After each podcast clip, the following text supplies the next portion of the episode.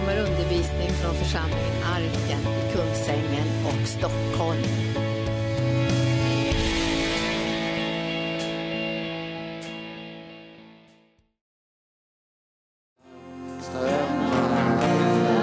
Och där vill vi bo, där vill vi leva, där vattnet från dig strömmar fram. Och vi önskar att i församlingen så ska vattnet bara strömma så det blir djupare och djupare vatten. Och därför välkomnar vi dig heliga Ande, mannen med mätsnöret. Att du mäter ut ytterligare alnar vatten i arken. Så vi kan gå från knäna, höfterna ut på det djupa vattnet. Där vi blir totalt beroende av dig. Där vi inte behöver våra känslors vittnesbörd hela tiden. Utan där vi kan ha andens vittnesbörd genom ordet. Och vi ber att vi ska bli starka, övervinnande och segrande. Så inte omständigheterna tär på oss. Så inte känslorna trycker ner oss. Utan håll oss i den heliga Ande. Så vi har vittnesbördet i anden att vi är Guds barn. Dyrbara, köpta med blodet. Utvalda och kallade. Men vi vet här att vi tycker om när våra känslor gensvarar till vad ordet säger. Och därför ber vi idag att du ska fylla också våra känslor, våra tankar och vår vilja med din Ande. Vi tycker om att känna din närvaro. Vi älskar att vilja göra din vilja. Vi tycker om när själen gensvarar till ordet och anden och kärleken till Jesus. Vi tycker om när både kropp och själ och ande har ett enhetligt vittnesbörd. Men samtidigt vet vi att vi vandrar i tro och inte i åskådning. Vi vandrar inte i våra känslors vittnesbörd i första hand. Vi vandrar i andens vittnesbörd. Och vi ber Herre, vi ska få en styrka i anden. Men också ett ankare för själen. Så inte själen hoppar hit och dit, fram och tillbaka, upp och ner. Utan att själen kan bli stilla och tränas att dricka från den helige Ande. Så kom helige Ande och fyll vår själ, vår kropp och vår ande idag med din underbara närvaro. Tack för de här dagarna. Tack för vad du har gjort i våra liv. Och vi överlämnar oss nu Herre för de dagar som ska komma och det som du har planerat för våra liv tillsammans. I Jesu namn. Amen. Halleluja. Tack lovsångare för en stund. Sen ska vi göra den här krafttunneln, men vi kan också säga utrustningstunneln och det är dumt att säga kärlekstunneln, men det är faktiskt det också. Vi ska fördjupa vår kärlek till Jesus.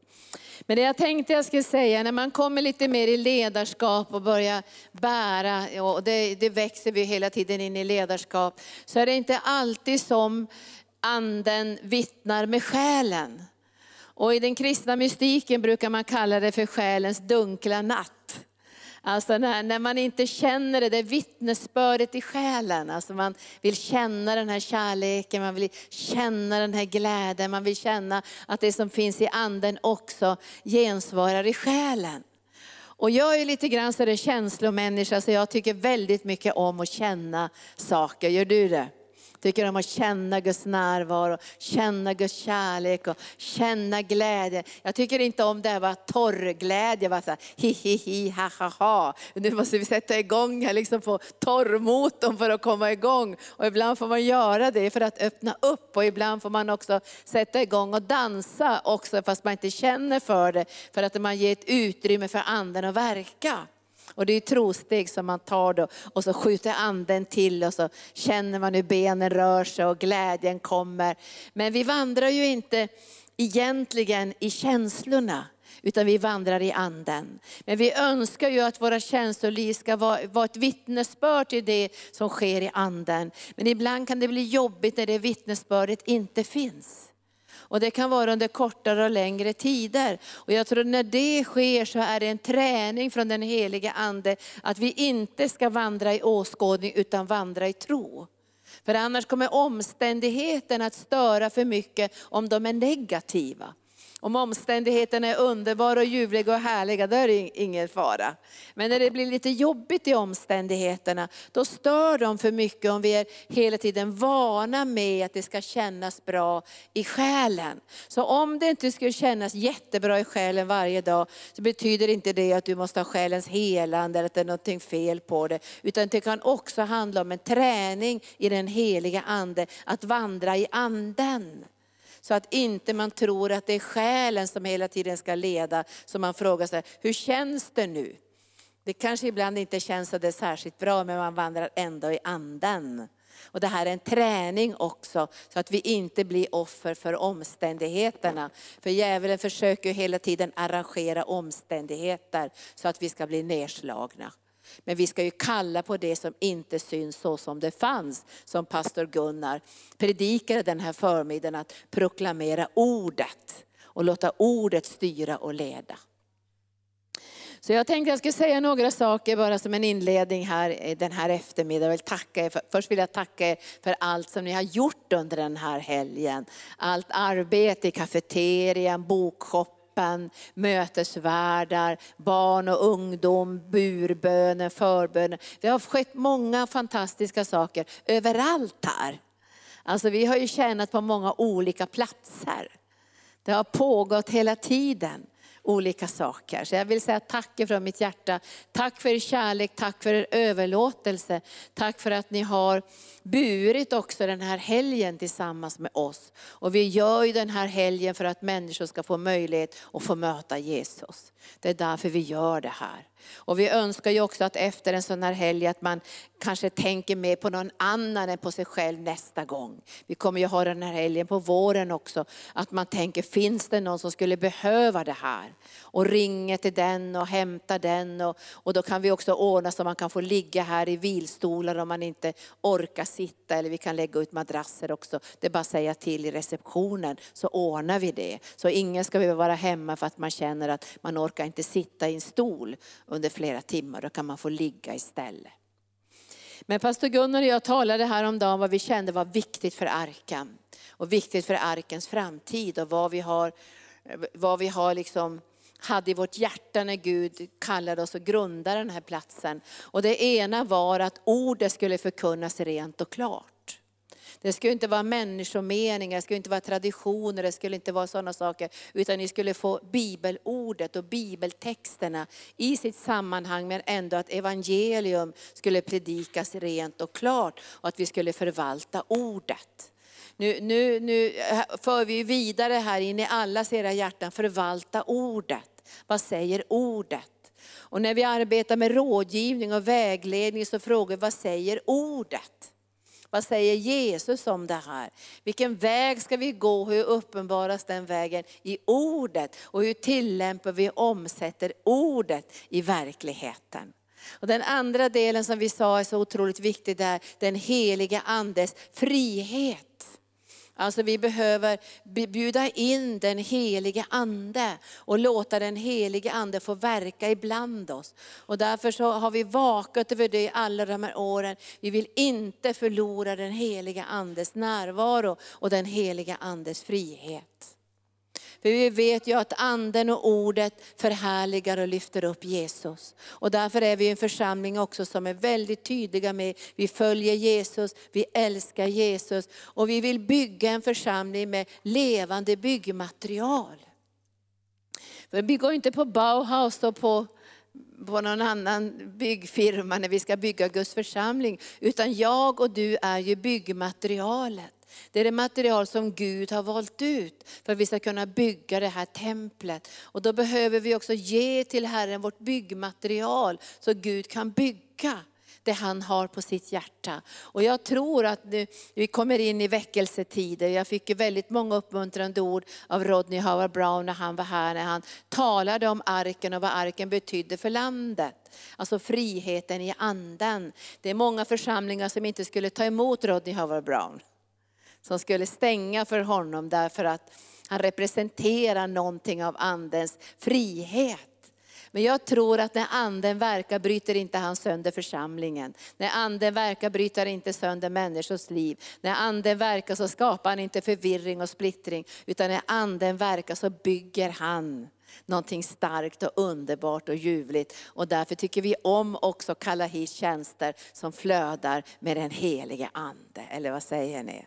Och han sa sådana starka ord om arken så jag vågar inte säga det men jag tänkte han överdriver nog, men jag vill inte tro på att han överdriver. Men han sa väldigt många positiva saker om arken och arkens framtid och vad arken skulle betyda när väckelsen bryter fram.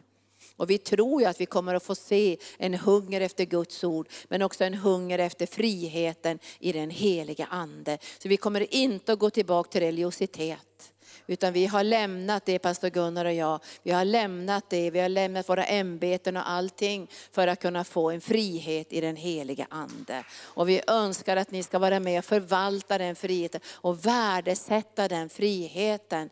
Därför att där Herrens Ande är, där är frihet. Och man får vaka över den också, därför att det kan lätt bli religiöst, det kan bli bundet, det kan bli kontroll och alla sådana saker. Och tillsammans så vakar vi över friheten. Vi vakar över att ordet förkunnas och att Jesus äras och älskas så han får en brud som tar emot honom när han kommer på himmelens skyar. Så jag tänkte jag skulle säga någonting nu om den helige ande. Jag har många bibelställen men jag citerar det mesta. Men i Efesierbrevet 5 och 18 står det, dricker inte druckna av vin för då kommer det ja, dåligt levande kan man säga. Det blir ganska nedbrytande krafter i våra liv. Då står det så här, låt er istället uppfyllas av den heliga ande. Alltså låt er istället uppfyllas. Och jag tror vi behöver uppfyllas varje dag, visst är det så?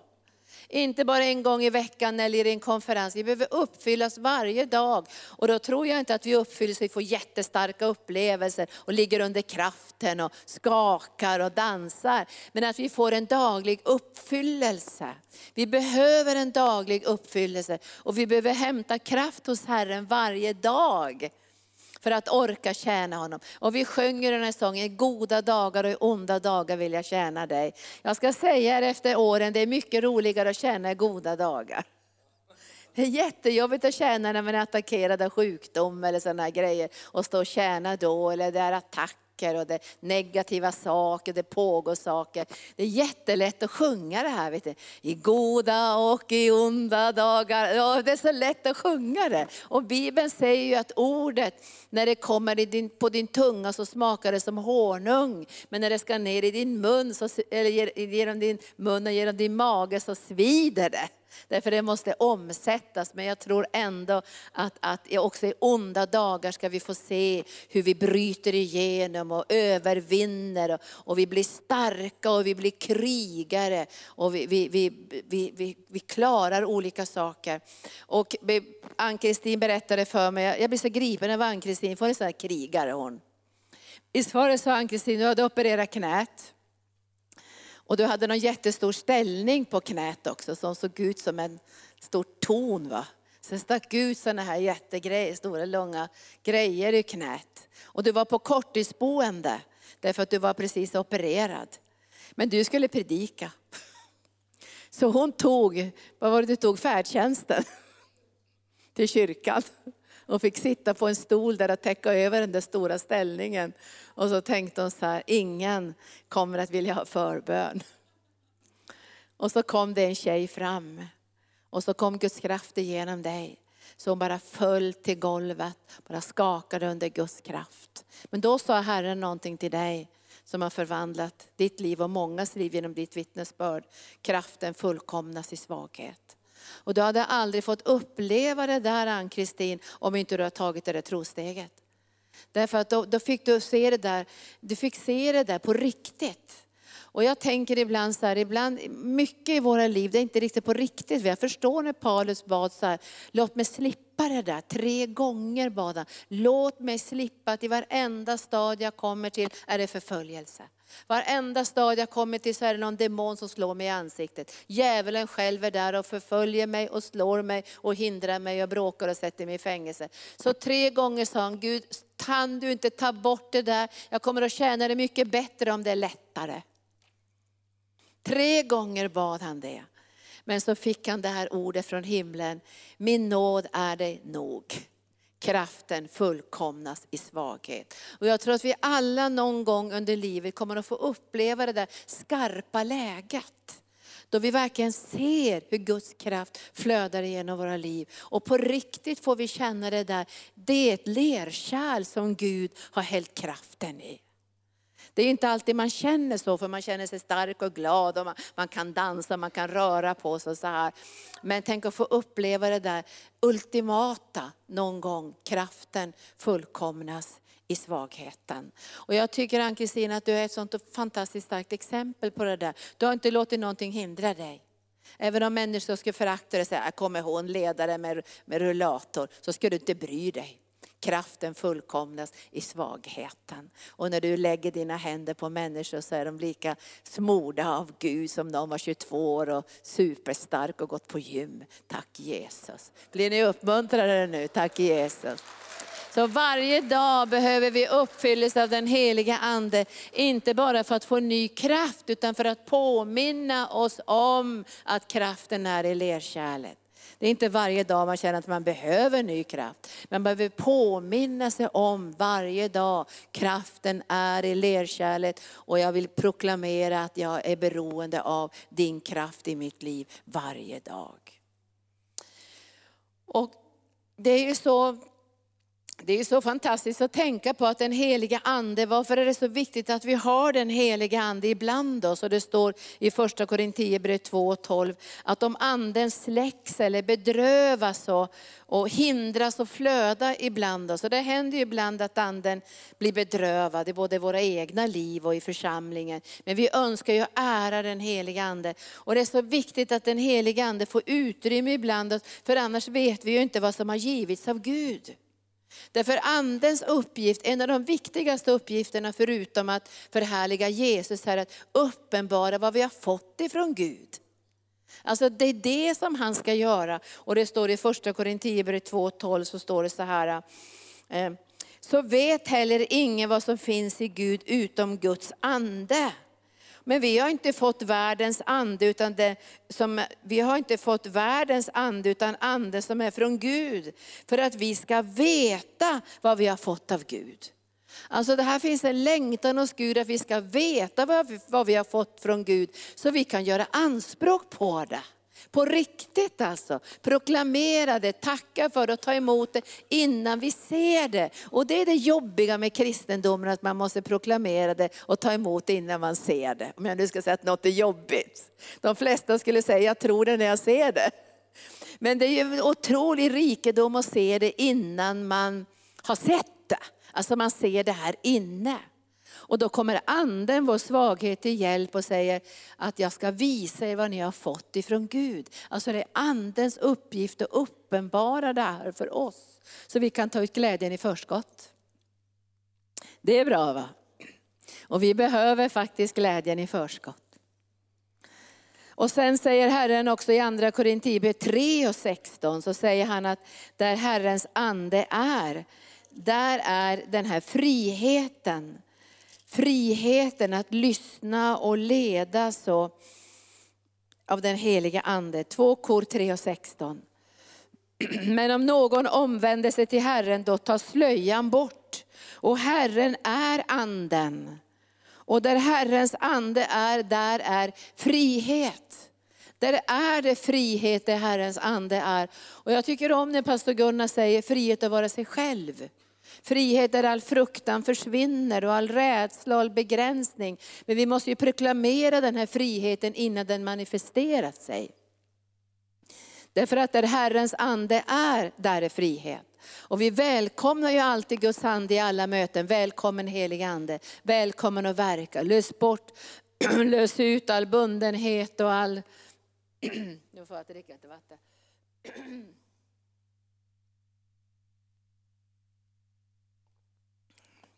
Jag läser det här då. Där Herrens ande är frihet och vi alla som är obeslöjat ansikte ser Herrens härlighet som i en spegel.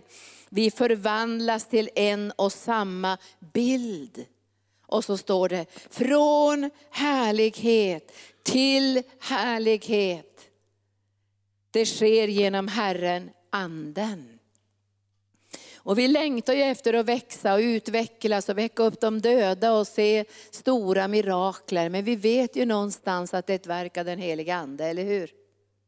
Det är ingenting vi kan åstadkomma, vi kan inte pressa fram det, men vi kan välkomna den heliga Ande och vi kan byta nivå. Vi behöver inte cementera oss på en viss nivå i anden. Vi kan gå från härlighet till härlighet. Jag tror anden längtar efter att ge oss mera av sin närvaro. Visst tror ni det? Så, det, det är så därför är det så otroligt viktigt att vi ger utrymme för den heliga Ande och välkomnar den heliga Ande. För annars vet vi inte vad vi har fått ifrån Gud. Vi kan inte inta den här friheten. Och vi behöver ju den när vi ska möta politiker eller människor i världen eller vi möter sjuka. Så behöver vi den här friheten och frimodigheten. Och Paulus han säger så här, jag är fri och oberoende av alla. Därför gör jag mig till allas tjänare. Alltså han hade en sån otrolig frihet att han lät ingenting hindra sig. Han kunde flöda i anden till kungar och presidenter och till människor som var sargade och som inte kanske hade något värde i andras ögon. Så kunde han flöda i den heliga ande därför han var fri och oberoende av alla och han hade gjort sig till allas tjänare. Alltså det här är en frihet där vi flödar i anden. Och ibland tänker man när man möter människor som alltså det är orädda, visst blir man imponerad då? Man tänker så där skulle man vilja vara. När man möter någon som bara kommer in i ett rum och börjar flöda i andens nådegåvor.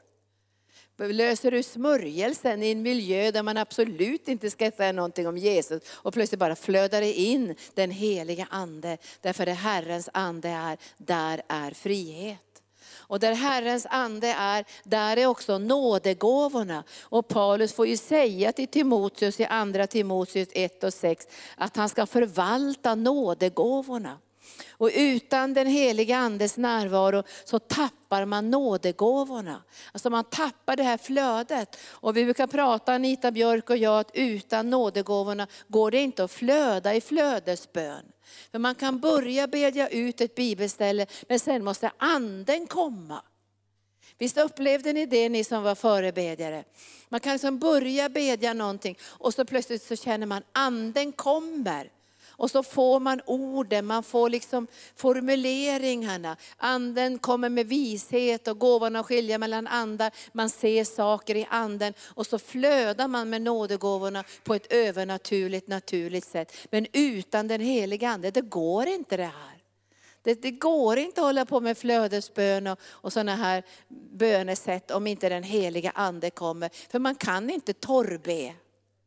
Man kan inte titta på människor och tänka, ja men de där behöver det där och de där behöver det där. Det funkar inte så. Man måste flöda i den heliga ande och man måste förvalta nådegåvorna på insidan så att man hela tiden kan samarbeta med anden och flöda ut i anden. Och utan den här friheten i anden så kommer inte nådegåvorna. Och jag tror många kanske skulle känna att det här med flödesbön, det blir bara jobbigt. Ja men det är jobbigt utan den heliga ande, det går inte. Det funkar inte. Och många gånger är vi så vana här i arken och flödar i den heliga ande, så vi tänker inte ens på att det är andens nådegåvor som är i funktion. Och här säger Paulus till Timoteus att nu Timoteus har du tappat lite av de här nådegåvorna. Och det kan hända att det berodde på att han har ont i magen, det vet inte jag. För det står ju att Paulus får säga till honom här att, att nu får du faktiskt eh, dricka lite vin för din mages skull. Han kanske hade kämpigt. Han kanske kände så här att, hur ska jag kunna be för andra när jag själv inte har blivit helad? Du ska be för andra även om du själv inte har blivit helad. Och då ska du be ännu mer för andra. För då kommer det att rinna över på dig. Så det sa, du ska aldrig tänka, ja, men då ska inte jag be för jag mår så dåligt själv. Då ska du be mycket för andra. Men kan hända att Timoteus hade liksom tyckt att det blev jobbigt i hans liv. Och då säger ju Paulus till honom i andra Timoteus 1 och 6, så säger han så här. Jag påminner dig, säger Paulus, låt Guds nådegåva flamma upp igen, den som finns i dig genom min handpåläggning. För Gud har inte gett oss modlöshetens ande. Jag tror att han var modlös helt enkelt. Han har inte gett oss modlöshetens ande, utan kraftens, kärlekens och självbehärskningens ande. Låt nådegåvan flamma upp igen. Han har inte tappat tappat nådegåvan. Och visst kan ni känna ibland att man, man tycker man har tappat nådegåvorna. Men det har man inte gjort. De ska flamma upp igen. Och då behöver man liksom gå ut i tro, ibland får man gå ut i torrtro. Alltså man får börja bedja torrbönen, inte mer än fem minuter. Sen när man väl går ut i tro och säger Herre jag måste be torrbönen, jag känner inte din andes ledning nu. Och så när man har börjat i tro på Jesus så bara flödar ut. Det är helt otroligt att se det här gång på gång på gång på gång. Jag tror aldrig Gud någonsin har svikit mig under alla de här åren. En enda gång kände jag mig sviken av Gud och det var när jag skulle vara, jag tror det var Ulf Ekman och jag och det var någon annan, om det var Reina Bonke eller någon, vi skulle predika ihop på en stor konferens i Oslo. Och jag skulle ha ett kvälls, kvällsmöte, så var det. Och jag förberedde mig hela dagen, låg på mina knän på hotellrummet, offrade maten, allting, fick ingenting från Gud. Fy vad jobbigt. Och jag skulle ju visa upp mig också, det är ju ännu jobbigare, eller hur? Man känner pressen så här att nu måste man lyckas.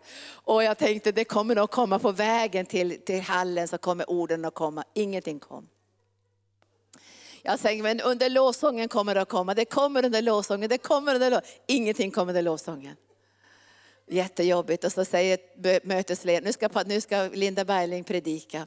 Jag kom upp på plattformen, det fanns ingenting.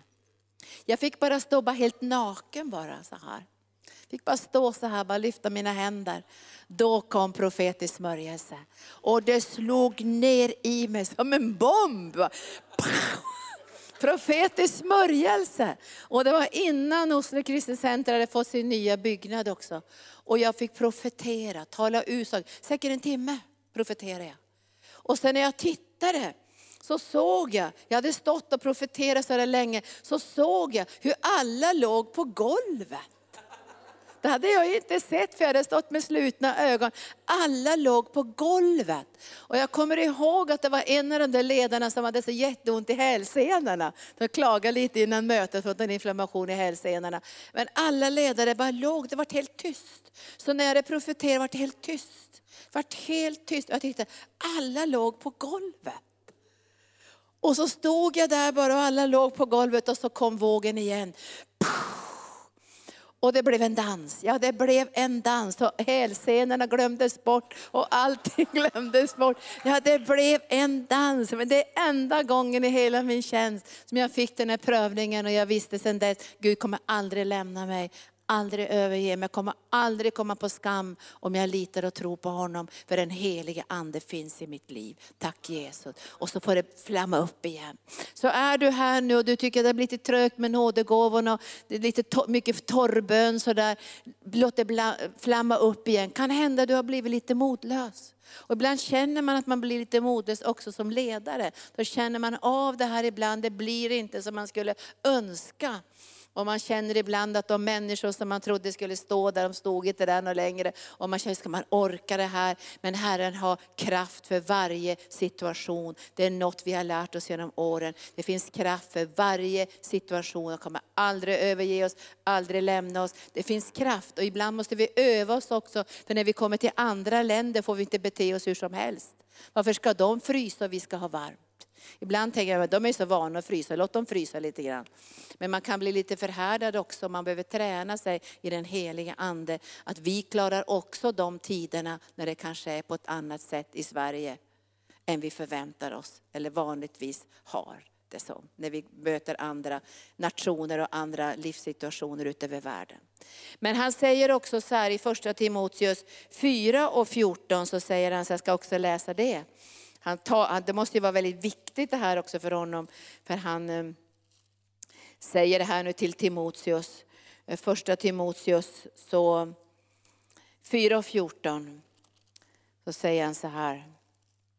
Försumma inte nådegåvan i dig som du fick genom profetord när de äldste la sina händer på dig. Tänk på detta detta, lev i detta så alla kan se dina framsteg. Och vi kan växa och utvecklas i andens nådegåvor. Växa in i större kraft och tydlighet också i det profetiska. Men vi kan göra framsteg också med Gud när vi tar trosteg och låter den heliga Ande använda oss i alla nådegåvor. Och vi vet ju att det är nio nådegåvor och det är nio andens frukter. Och därför måste det vara en frukt och nådegåva, en frukt och nådegåva. Nådegåvorna måste samstämma med andens frukter. Och vi har ju talgåvorna, kraftgåvorna och inspiration, eller uppenbarelsegåvorna. Talgåvorna de är ju viktiga, det är ju profetian, tungotalet och uttydningens gåva. Sen har vi de här uppenbarelsegåvorna som är visdomens ord, kunskapens ord och gåvan att skilja mellan andar. Och sen har vi kraftgåvorna, trons nådegåva, mirakelgåvan och helandets gåvor. Och alla de här gåvorna samverkar med varandra. Och jag tycker att det är en gåva som i alla fall i min tjänst har varit den viktigaste för nådegåvorna, det är tungotalet och uttydningen. För jag tror inte jag ber nästan någonting som inte är tungotal och uttydning. För jag vet inte vad jag ska be. Men utifrån tungotalet kommer uttydningen. Och ibland ber jag högt i tungor, ibland ber jag tyst i tungor. Men jag vet att anden måste uppenbara vad som ska ges i stunden. Jag säger tack gode Gud för andens nådegåvor. Och sen ska vi säga till sist också det här utrustningen i den heliga Ande. För den kallelse vi har fått är ju ingenting man lär sig på universitet. Utan det är ju en andens utrustning. Och därför väljer Gud ibland människor som ingenting är i det här intellektuella och intellektuella världen. Och, och att man ska vara duktig på, och allmänbildare och så här. Utan han väljer det som ingenting är många gånger. För att uppenbara sin härlighet, för att göra det till skam som något är. Så ingen ska kunna berömma sig inför Herren. Och det, här, det här är också något som Gud gör för att han ska, det ska synas att det är han som gör verket över oss och genom oss. För den kallelse vi har fått är ju övernaturlig. Det är ett verk av den heliga Ande. Tappa inte bort det, bli inte imponerad av den naturliga kunskapen. Det är bra att ha naturlig kunskap, men bli imponerad av Jesus, av den heliga Andes smörjelse och be att du ska få ännu, ännu mer av det. Vi ska avsluta och läsa Apostlagärningarna 19. För nu så har Paulus, vi ska se här vad som händer här när den heliga ande kommer över de här syskonen.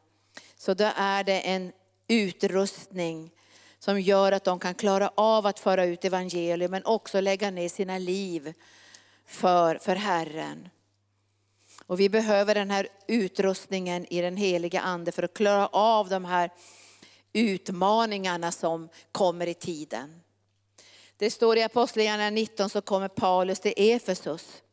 Medan Apollos var i Korint kom Paulus ner till Efesos efter att ha rest genom inlandet. Där träffade han några lärjungar och så frågade han dem, tog ni emot den heliga ande när ni kom till tro? Väldigt viktig fråga. Tog ni emot den heliga anden när ni kom till tro? Jag märker ibland att man har slutat be för andens dop i många sammanhang. Man ber inte längre för andens dop. När jag var nyfrälst bad vi alltid för andens dop. Var än vi var så frågade vi, är du döpt i den heliga ande? Talar du i tungor? Och så bad vi för andens dop. Och vi behöver be för andens dop. Alltså att man doppas i eld, för Jesus ska ju döpa i eld. Och vi behöver den här eldsutrustningen för att klara av det som sker i världen av synd och mörker och motstånd och förföljelse. Så måste vi ha den Helige andes dop och den Helige andes utrustning. Och dopet är ju lite annorlunda än att bli uppfylld av den Helige ande. Det är den här kraftfulla neddoppningen. Och då svarar ju de här lärjungarna, nej det har vi inte ens hört talas om att det finns en helig ande. Finns det människor som inte har hört talas om att det finns en helig ande? Vet ni att det finns det? Det finns människor som har bara en intellektuell tro, men de har inte haft ett möte med Jesus och de är inte döpta i den heliga ande. Så jag skulle inspirera er och, och säga, när ni möter människor, fråga, har ni tagit emot den heliga ande? Är ni döpta i den heliga ande? Och säger de nej, då lägg händerna på dem med frimodighet och så löser ni den heliga andes smörjelse och sen är det Jesus som doppar i eld. Visst är det så? Jag fick ju, första gången jag fick andens, alltså de skulle be för tungotal och så hände ingenting. Jag var alldeles nyfrälst och det var i Stockholm. De bad och la handen på mig. Det hände ingenting, men jag tror det hände något i anden ändå. Sen gick det några veckor och skulle mina kompisar döpas i Pingstkyrkan i Uppsala. Och jag skulle försöka få dit några ofrälsta som jag hade hittat på gatan. Det var en kille som var så bångstyrig så jag fick dra in honom i Pingstkyrkan. Jag stod och höll fast honom där. Att han inte skulle gå därifrån. Och jag stod och bad för honom att han skulle omvändas och få möta Jesus. Och när jag stod och bad för honom där, då plötsligt hörde jag mig själv tala i kikongo. Alltså det kongolesiska språket som jag aldrig kunde lära mig i Kongo när jag bodde där. Jag kunde bara fjåterkaka, båten, ben och jag kunde ingenting annat. Det var jättesvårt språk. Och sen hade jag inte heller någon speciell språkbegåvning heller. Men jag stod och pratade flytande Kongo.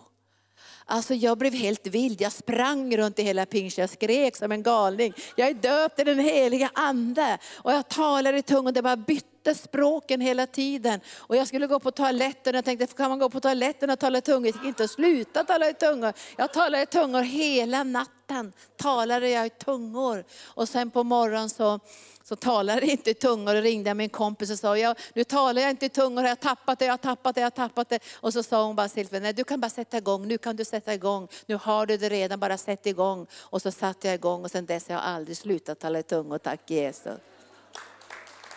Dopet i den helige Ande. Vi behöver det här dopet och de säger, men vi har inte ens hört talas om att det finns den helige Ande. Jag var i en stadskyrka nu, det var inte så jättelänge sedan, så var jag i en stadskyrka. Jag tänkte, när jag tänkte när prästen kommer att få så mycket motstånd så jag tar det lite lugnt tänkte jag. När jag var där i stadskyrkan. Men de hade inte hört talas om den helige Ande.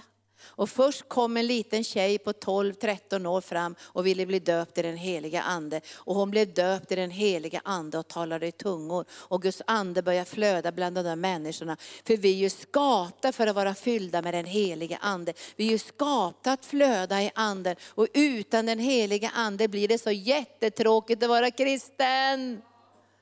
Det var en kort period när jag var diakonissa, då kom jag in i något jättekonstigt. Det, det var inget flöde i den heliga ande, det var sån tristess. jag skulle inte önska att ni fick en tristess i era andliga liv.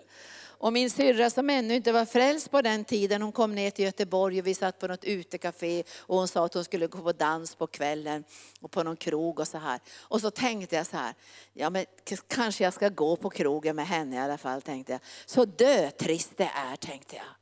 Så dötrist mitt andliga liv har blivit. Och då kom jag ju på att jag hade tappat bort den heliga ande och kompromissat i mitt andliga liv. Och jag gjorde ett beslut den kvällen, jag ska aldrig kompromissa med resten av mitt liv när det gäller den helige ande. Det är det dyrbaraste jag fått, är den helige andes smörjelse och utrustning. Kosta vad det kosta vill, men det tänker jag inte släppa ifrån mitt liv. Vi säger ni amen till det. Smörjelsen är det dyrbaraste som du har. Och de säger, vi visste inte att den helige ande var given. Paulus frågade men vilket dop blev ni nu döpta med? De svarade, med Johannes dop. Paulus sa, Johannes döpte till omvändelsens dop och sa åt folket att tro på den som kom efter honom, det vill säga Jesus. När de fick höra detta så döptes de i Herren Jesu namn. Och när Paulus la händerna på dem så kom den heliga ande över dem och de, vad står det där? De talade i tungor och profeterade. Det var själva tecknet för det här andens dop där. Man talar i tungor och prisar Gud och profeterar. Det är det som var Joels profetia eller uppenbarelse. Han såg ett folk, män och kvinnor, unga och gamla som profeterade. Alltså förkunnade och talade ut Herrens mäktiga gärningar med kraft och auktoritet frihet och ett flöde i den helige ande. Tack Jesus. Det är många idag som inte är döpta i den Helige ande. Och i många sammanhang så skulle man nästan skämmas, man skulle nästan tycka det är jobbigt att tala om den helige ande. Men jag, jag har bestämt mig för att jag ska inte beställa. Jag ska säga, gör vad du vill helige ande. För jag var ju i sammanhang som jag var i när jag var ung, så fick jag komma och predika för en del ledare i ett mera kyrkligt sammanhang. Och då sa jag ju till Gud, för jag sa så här, Gud du kan väl ta det lugnt ikväll. sa jag. Säg aldrig det. Skäm inte ut er inför, inför Gud. Jag skämde ut mig. Så, här, Ta det lite lugnt ikväll Gud. Och varför sa jag det? Jo, jag ville göra ett gott intryck. Därför sa jag det till Gud. Ta det lite lugnt ikväll. Gör aldrig det. Lovar du det? Säg inte så. Beställ inte så där som någon sa. Jag vill ha ett lutherskt andedop. Det går inte att få något lutherskt andedop. Det går bara att få ett bibliskt andedop. Och jag sa, Gud ta det lite lugnt ikväll nu så, då, då, så att det inte blir för mycket bråk och sådär. ja, du vet Gud. Alltså det var det mest vilda möte, jag har aldrig haft ett sånt vilt möte. Så jag fick säga efter och säga, det här är inte mitt fel. För den första som jag bad för, jag, jag ljuger inte, jag säger, hon skrek som en gris. Alltså hon, jag la handen på henne och hon tjöt alltså. Hon tjöt rakt ut och åkte upp i luften. Alltså det är inte mitt fel Gud det här. Och hon låg där. Och sen la jag handen på nästa, den skrek inte lika högt men de föll och de föll. Och jag stod bredvid en andlig ledare, jag fick säga så här, det är inte mitt fel, jag gör, det är inte jag som gör det här, det är den heliga ande. Och efteråt så fick jag säga till Gud, förlåt mig Gud, aldrig mer ska jag säga så här till dig, att du ska ta det lite lugnt nu för att jag ska komma i bättre dagar. Jag ska säga helige ande, du är fri att göra precis vad du vill. De får rulla, de får gråta, de får skaka, de får ligga under kraften. Vi välkomnar dig helige ande. Och um, när de fick den här starka väckelsen i Toronto, så, så, sa ju, så sa ju ledaren där, han hade en gång, det berättade han så här, stoppat den helige ande. Det var en tidigare väckelse. Så hade ledaren i Toronto stoppat den heliga ande för han menade att så här, vi måste ta det lite lugnt nu, vi måste vara lite ordning och reda på det här. Så stoppade han den heliga ande. Och jag tror man kan bedröva den heliga ande. Jag tror vi ska vaka så vi inte får överdrifter och människor blir skadade och så, det talar inte jag om. Men att stoppa den heliga ande och bestämma när heliga ande, du får göra det här men inte så här. Vi bestämmer över dig, du får lite utrymme här men skärp dig lite här så att vi inte blir utskämda för kristenheten. Men han hade stoppat upp den heliga ande och sen sa han så här, så kom vågen i Toronto. En otroligt kraftfull våg av den heliga ande. Då sa den här ledaren, jag ska inte stoppa den heliga ande. Jag vet att det kan vara en del knäppa grejer och en del saker som måste ut ur människor och saker som ska rensas och så. Det vet vi när anden kommer, det sker också. Men vi stoppar inte den heliga ande. Vill ni koppla ihop med mig och säga amen till vi stoppar inte den heliga ande. Vi stoppar inte den heliga ande. Vi ska inte vara osunda, vi ska inte vara överandliga, vi ska inte hitta på grejer och så, men vi ska inte stoppa den heliga ande. Och vi ska känna igen den heliga ande, nådegåvorna. För när anden verkar så blir det ju, så skiljer man ju mellan andar. När anden verkar så får människor tro. När anden verkar så sker det helanden. När anden verkar så kommer det profetiska på olika sätt i ett flöde. När anden verkar så blir det helande som verkar inte bara genom nådegåvorna, men det verkar på många många olika sätt i förkunnelsen och handpåläggningen. Så vi behöver inte vara rädda för den heliga Ande. Han kommer inte att skämma ut oss. Han kommer inte att skada oss. Men han kommer att skaka om oss och vi får bort all religiositet och allt det här, vi ska vara fina i kanten och vara duktiga och, och visa upp oss. Ibland skakar den heliga Ande sönder saker. Och ibland så får vi också skämma ut oss. Har ni skämt ut det någon gång? Det har jag gjort. Jag kom ju under kraften med Rolf Auke, han är i himlen nu. Och jag såg ju inte, alltså jag, jag skrattade så fruktansvärt, jag har aldrig skrattat så mycket. Vi, vi var tillsammans med Rodney Howard Brown i Finland, Rolf Auke och jag. Jag skrattade så fruktansvärt mycket, jag på att kissa på mig. Alltså jag, jag, alltså jag kunde inte sluta, jag fick kramper i hela magen. Och jag såg ju inte att han låg på mig och jag låg på honom. Och sen så när jag tittade upp där och mascaran rann, ja, det var något groteskt alltså, så såg jag att de stod med tv-kamera framför våra ögon. Nära så här. Och jag tänkte, men gode Gud, det här kommer att kablas ut över hela världen, vilket det gjorde också. Så då sa de så här, Rolf Auke hade sin ljushåriga fru med sig. Och pastor Gunnar han bara skrattade åt det där. Men då kände jag så här, men gode jag har helt skämt ut mig. Men efteråt kändes det väldigt bra. Jag bara kände mig fri. Jag kände, har man skämt ut sig en gång, så strunt tillsammans sen. Då kan vi bara flöda på, har vi ingen prestige kvar. Så nu ska vi be att den heliga Ande ska väcka under den här, det här året 2019-2020, att vi ska få en frihet i den heliga Ande. Och att de som är bundna i religiositet och fruktan och ångest ska bli lösgjorda på grund av Andens frihet. Och ibland utmanar Gud också som den här kvinnan som grät vid hans fötter. Klart hon skämde ut sig. Men det står ju också, hon har älskat mycket, därför fick hon också mycket förlåtet. Det står inte att hon fick förlåtet mycket, därför älskade hon, utan hon älskade mycket. Hon struntade i vad folket tyckte. Hon struntade i vad fariseerna skulle förakta henne, för hon ville ha det här från Jesus. Och hon tänkte, jag struntar i vad de tyckte, de får slänga ut mig, då håller jag fast vid hans fötter. Jag ska ha mitt helande, kosta vad det kosta vill. Och jag tycker om att se det. Jag, tycker, jag, ska, jag ska inte stoppa det, vi kommer inte att stoppa det, vi kommer inte att säga att nej, nu får ni skärpa er. Utan vi kommer att säga, ta det från Jesus, kosta vad det kosta vill. Han har betalt det högsta priset och det tillhör dig. Tack Jesus.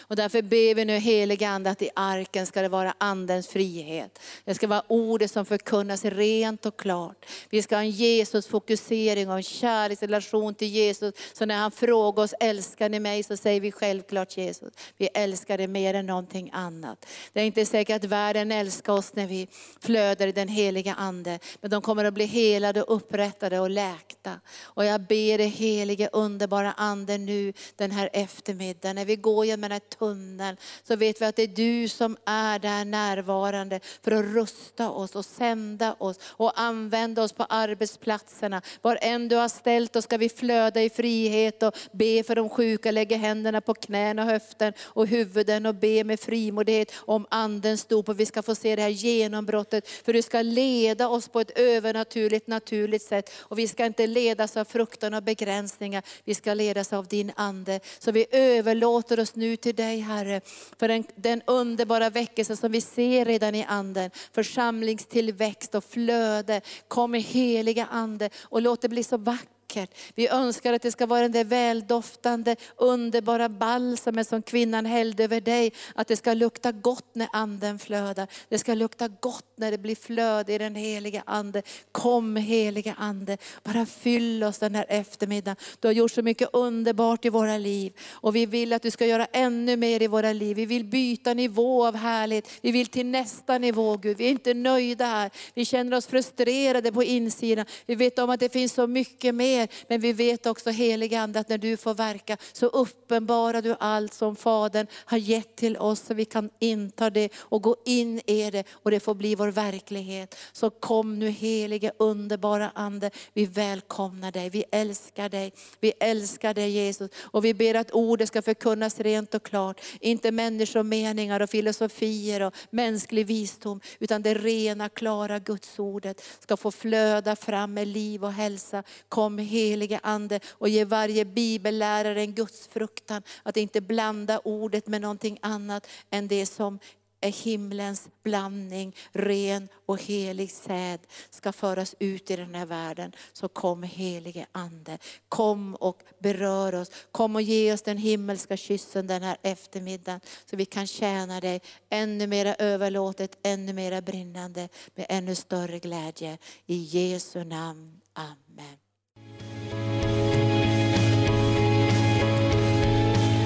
Tack för att du har lyssnat. Vill du få del av mer information om församlingen Arken, vår helande tjänst, bibelskola och övriga arbete, gå in på www.arken.org.